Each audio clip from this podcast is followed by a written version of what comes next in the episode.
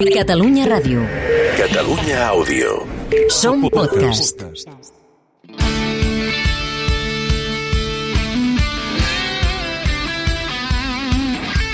Sants i Estalvis, el programa d'hàbits saludables de Catalunya Ràdio, amb Adam Martín. Hola, què tal, com esteu? Benvinguts al Sants, un Sants especial en aquestes dates, perquè avui parlem de Nadal, no només de Nadal, sinó parlem de les festes. En concret parlem de tots aquells àpats tan copiosos que es repeteixen una vegada darrere l'altra des del principis del mes de desembre, quan comencen els sopars de feina, fins a pràcticament el dia 6 de gener o el dia 7, quan ja tot això s'acaba. La nit de Nadal, el dia de Nadal, Sant Esteve, Canelons, Cap d'Any, si Reis, etc. Val la pena fixar-nos una mica més en allò que estem fent quan mengem tots aquests àpats o ens hem de relaxar? Ja us avanço que tots aquests àpats, des del meu punt de vista, no tenen cap impacte en la nostra salut perquè estem parlant de 365 dies a l'any versus, no ho sé, dues setmanes. És important relaxar-se, és important deixar-nos portar per l'esperit nadalenc, però si algú es vol preocupar de menjar una miqueta millor, hi ha alguns tips en aquest programa perquè doncs, no ens passem més del compte. Tips per menjar una mica menys, per beure una mica menys, però sense renunciar a tots aquests àpats de festes. Per tant, avui als Sants, com menjar durant les festes, però sobreviure també al Nadal.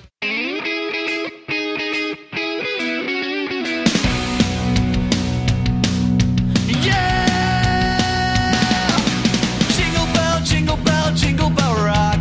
Jingle swing and jingle bells ring.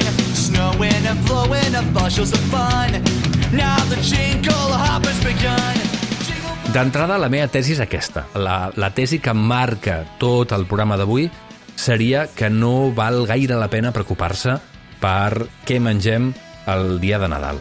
Hi ha algunes persones, i evidentment sempre hi ha excepcions, per tant, hi ha algunes persones que patiu eh, determinades patologies, no sé, com diabetis, per exemple, com problemes renals, com problemes digestius greus. Aquestes persones, evidentment, heu de seguir fent bondat, si és que es pot dir d'aquesta manera, que no crec gaire amb aquesta expressió aplicada a l'alimentació, però per entendre'ns, us heu de seguir cuidant també durant els àpats de Nadal. Aquestes persones eh, teniu els vostres propis menús, els vostres propis receptes i no podeu abandonar a cap dia, perquè aquí en l'alimentació en el fons us està ajudant de manera terapèutica. Per la resta, per exemple, per aquelles persones que teniu sobrepès o que teniu obesitat, que us preocupa, que us estressa el dia de Nadal, a l'àpat aquell que està ple de torrons i de polvorons, doncs eh, la meva recomanació és no us fixeu en el que passa durant aquests 5, 6, 10 dies d'àpats copiosos, excessius del Nadal, sinó que el que és important és que us plantegeu la relació amb l'alimentació a llarg termini. Queden 360 dies a l'any. No ens fixem tant en els arbres i fixem-nos més una mica en el bosc. Relaxeu-vos si és que no teniu una patologia. Com ens hem de relaxar però al mateix temps no tenir la sensació que ens hem rendit totalment i que ens hem abandonat? Doncs eh, tinc uns quants consells per a les persones que voleu fer precisament això. El primer és comprar amb intel·ligència. De vegades no volem o no podem prescindir de comprar determinats productes de mala qualitat els dies de Nadal, parlo de polvorons o de torró, etc.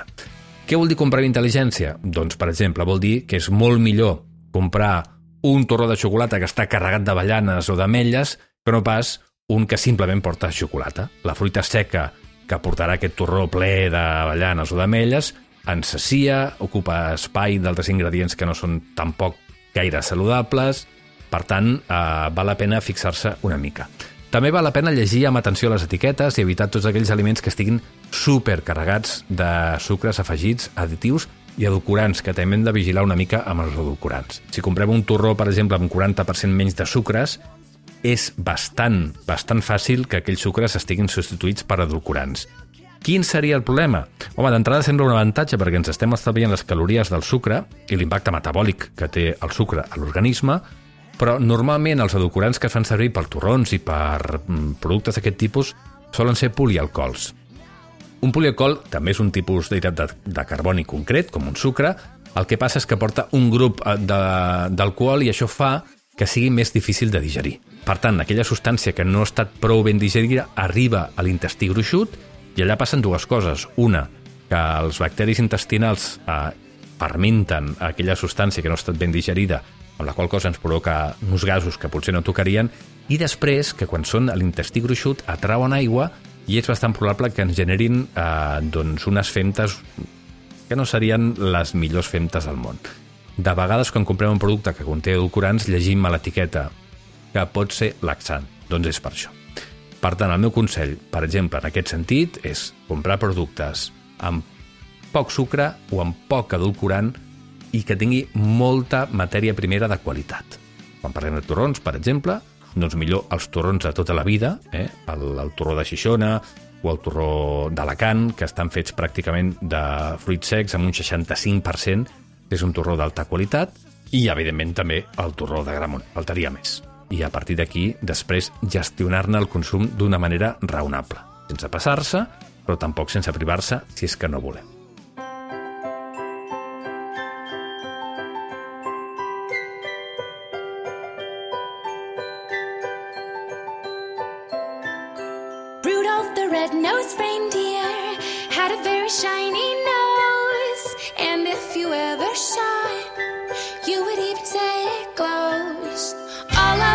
També, segon consell, és interessant ajudar el cos. Què vull dir amb això?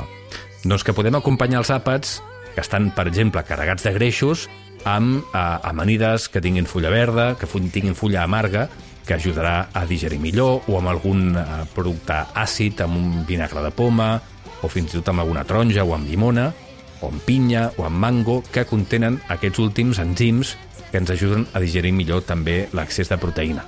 Perquè al Nadal una de les coses que passa no només és l'excés de sucres, sinó que també hi ha moltes proteïnes i molts greixos. Per tant, si volem, podem fer determinades estratègies per digerir millor aquests greixos i per digerir millor les proteïnes. Recordem, per digerir millor greixos, doncs eh, fulla verda, fulla amarga, substàncies àcides, fruita com taronja, per exemple, o llimona, i per digerir millor la proteïna, doncs eh, podem fer servir fruites com la pinya o com el mango dins del menú, que recordem que tenen enzims, com la bromelaïna, per exemple, que ajuden a digerir millor aquest excés de proteïna.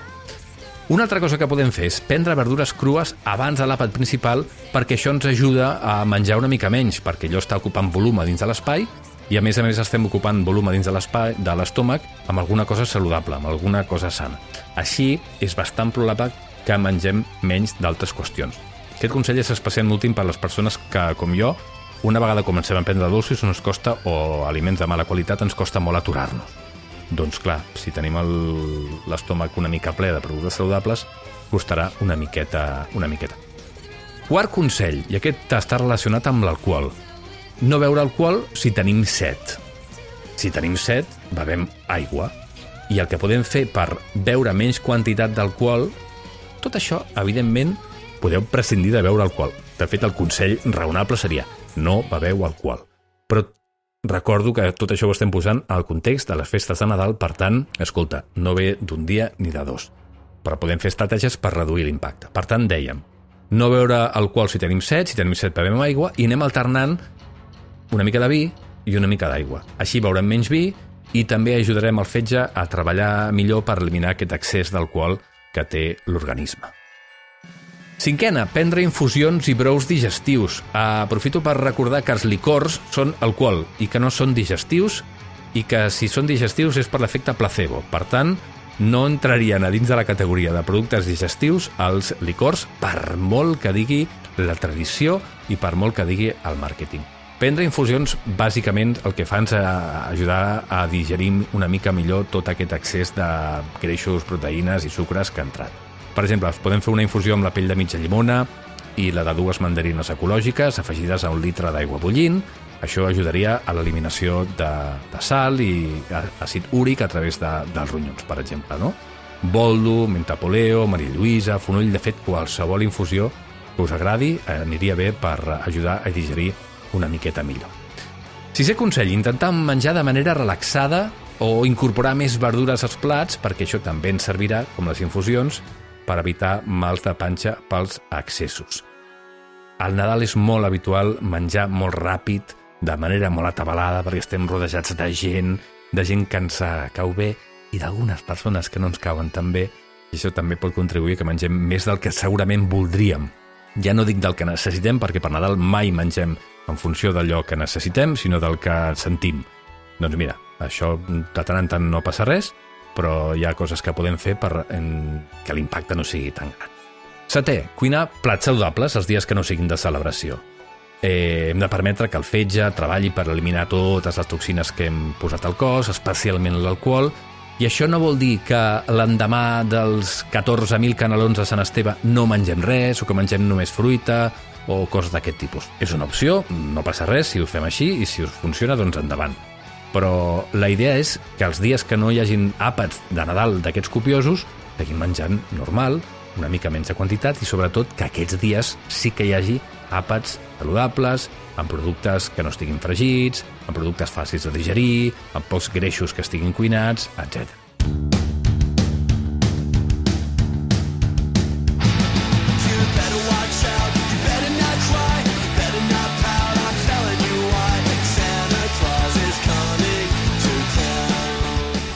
Vuitè, aquest és una mica estrany i aquest ja és una mica per matrícula, eh? Prendre ceba macerada, un parell d'hores, amb vinagre de poma, no pasteuritzat, el vinagre de poma, això és important, i això ajudaria també a la digestió de proteïna i de greixos d'animals, eh? de carn i de peix. Per tant, ceba macerada, la talleu a làmines, la deixeu un parell d'hores amb vinagre de poma no pasteuritzat i res, poseu un parell de cullerades abans de començar i qui diu ceba macerada diu també productes com quinxi o altres fermentats que també són molt útils per millorar la digestió.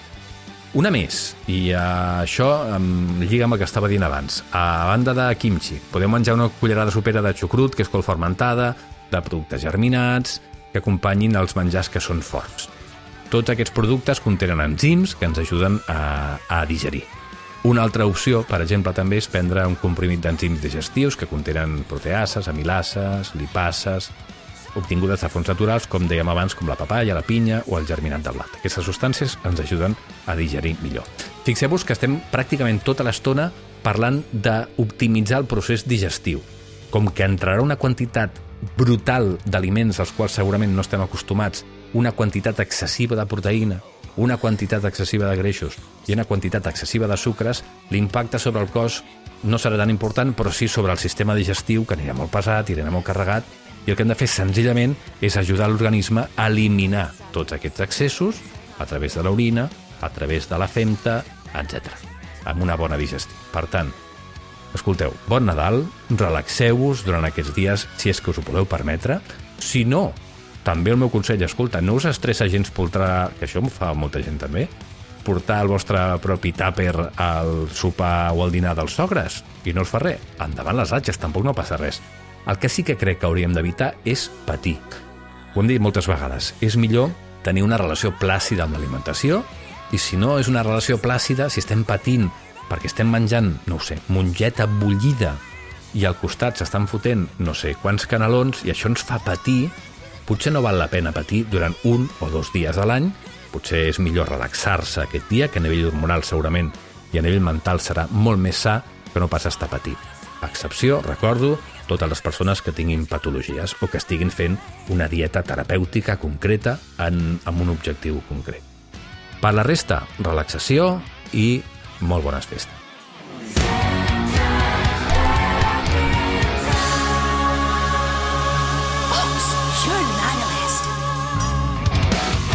Sants i Estalvis. Amb Adam Martín. Catalunya Ràdio. Catalunya Àudio. Som podcast. podcast.